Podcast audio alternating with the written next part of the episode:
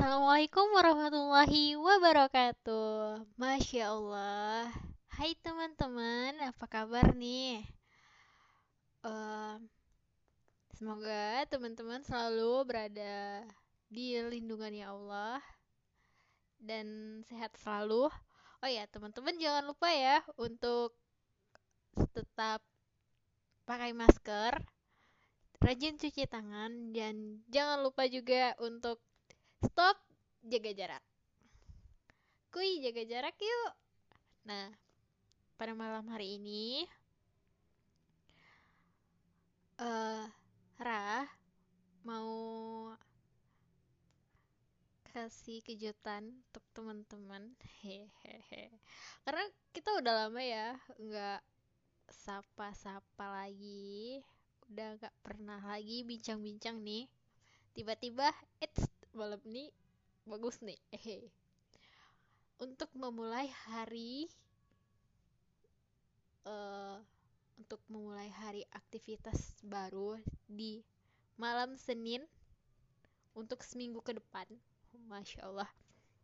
Kalau gitu izinkan saya untuk berbagi cerita kepada teman-teman di podcast RHA jangan lupa ke uh, teman-teman untuk selalu dengerin podcast RHA karena pada episode episodenya banyak pengalaman dan pelajaran yang ajib. Oke. Nah, sesuai dengan uh, yang saya katakan tadi karena malam hari ini ada kejutan untuk teman-teman. Kejutannya adalah ding ding ding ding ding.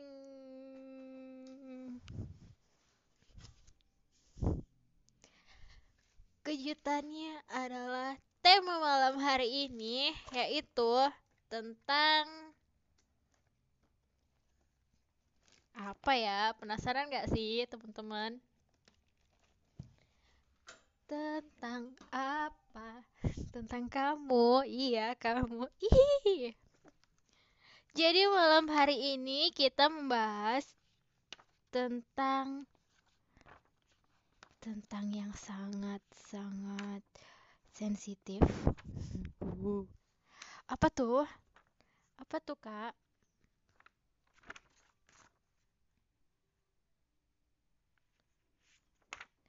Hahaha tentang teman-teman pasti yang bagi yang muslim uh, sholat adalah sebuah kewajiban atau uh, bukan kewajiban itu pasti kewajiban. Kalau menurut saya sholat itu adalah kebutuhan kebutuhan kita. Karena dengan sholat uh, walaupun beban sebanyak apa pun kalau kita sholat itu akan ngerasa damai. Walaupun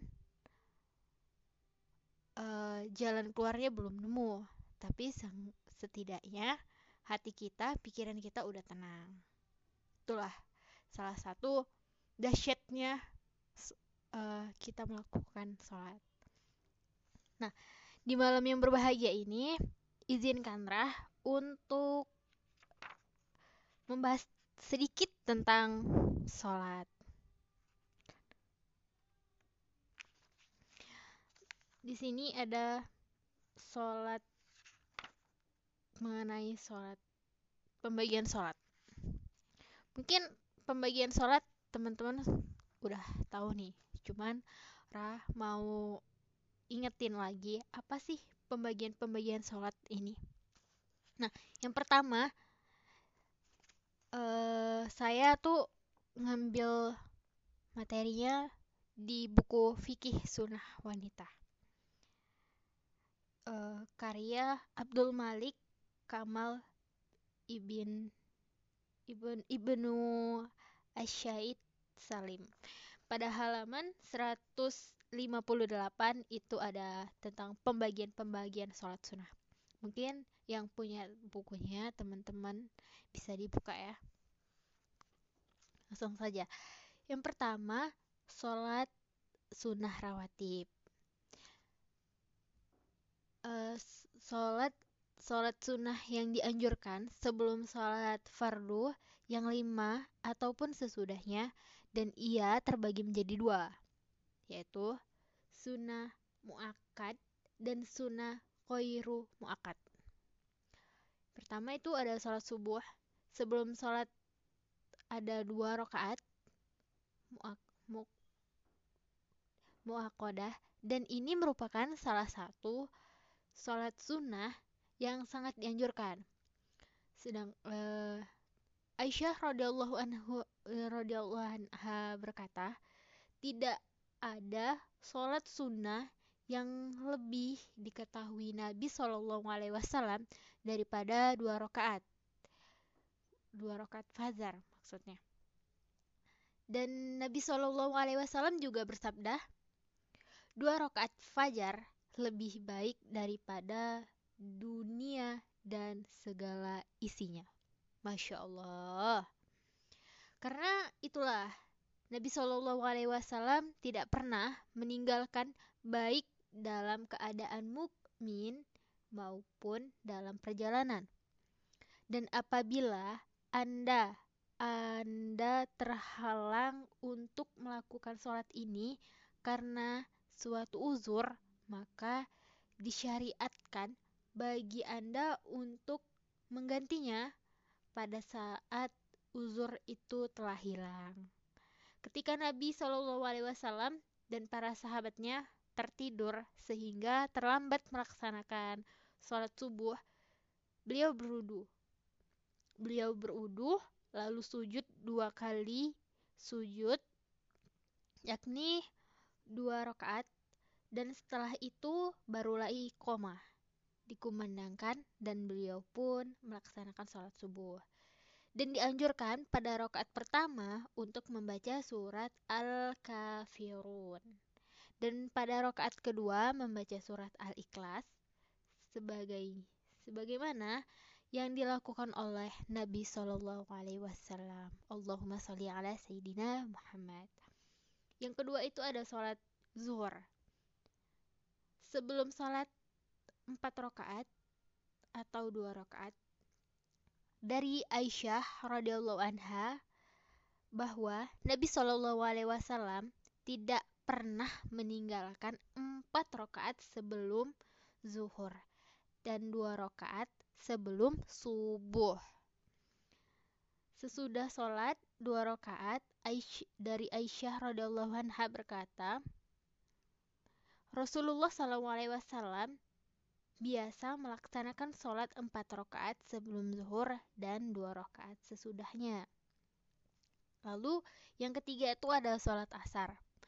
Sebelum sholat dua rakaat atau empat rakaat berdasarkan sabda Nabi Shallallahu Alaihi Wasallam di antara dua azan, azan dan iqomah terdapat sholat sunnah bagi siapa yang mau mengerjakannya dan juga sabda beliau, semoga Allah merahmati fulan, ia melaksanakan sholat empat rakaat sebelum asar.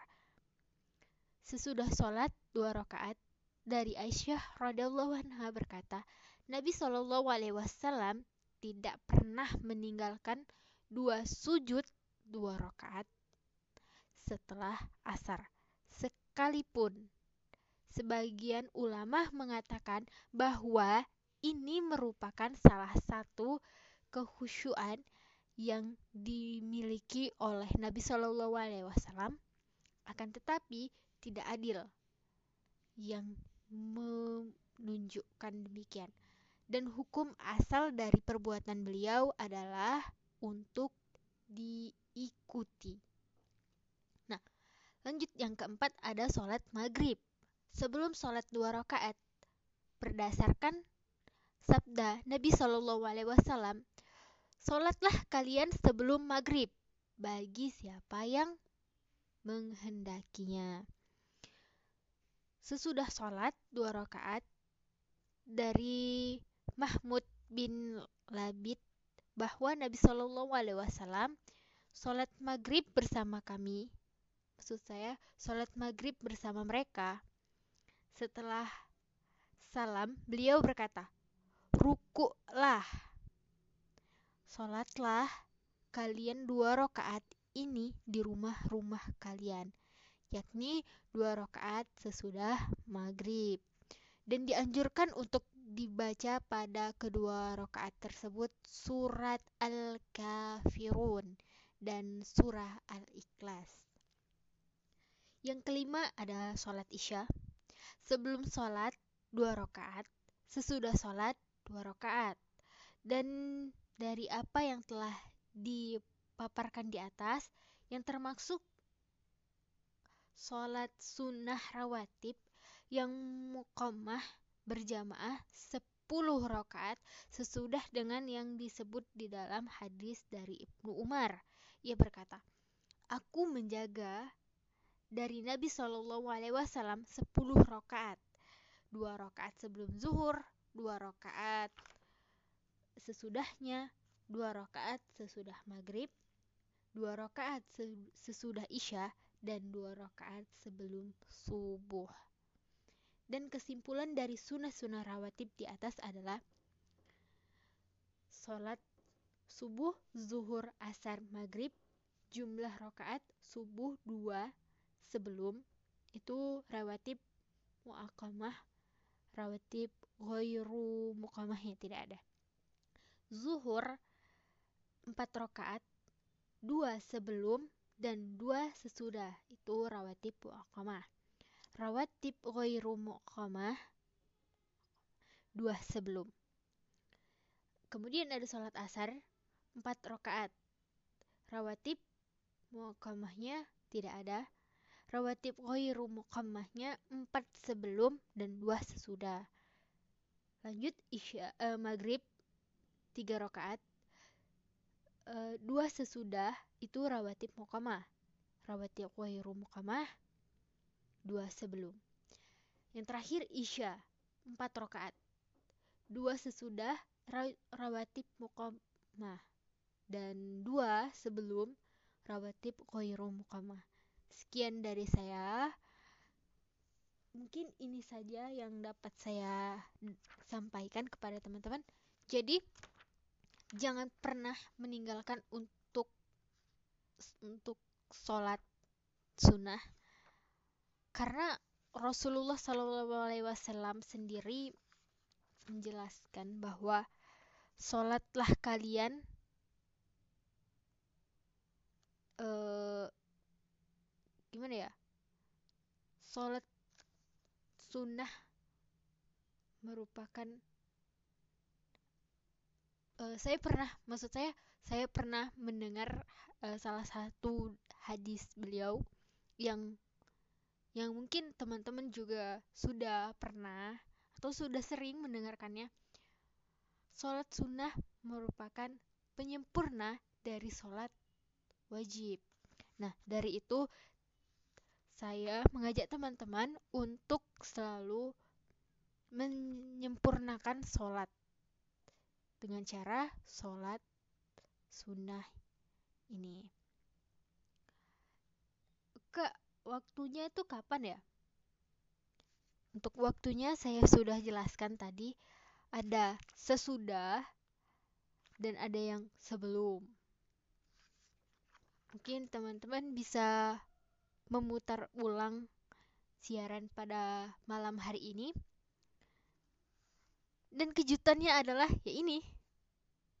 Salat sunnah. sholat sunnah. Uh, dari Hurairah Nabi Shallallahu Alaihi Wasallam bersabda, sesungguhnya hal pertama yang dihisap dari seorang hamba pada hari kiamat dari amalnya adalah sholatnya. Jika sholatnya baik, maka ia telah beruntung dan selamat. Namun, jika sholatnya rusak, maka ia telah gagal dan merugi. Jika ada sesuatu yang kurang dari sholat fardunya, maka Rob yang maha suci dan maha tinggi berfirman, Lihatlah, apakah hambaku ini memiliki sholat sunnah? Lalu sholat sunnahnya itu digunakan untuk menyempurnakan sholat fardunya. Dan kemudian seluruh amalannya dihitung dengan cara demikian. Nah, begitulah hadis dari Abu Hurairah radhiyallahu anha. Masya Allah, pelajaran pada hari ini sangat luar biasa dan banyak ke ke banyak sekali yang kita dapat petik dari sholat sunnah.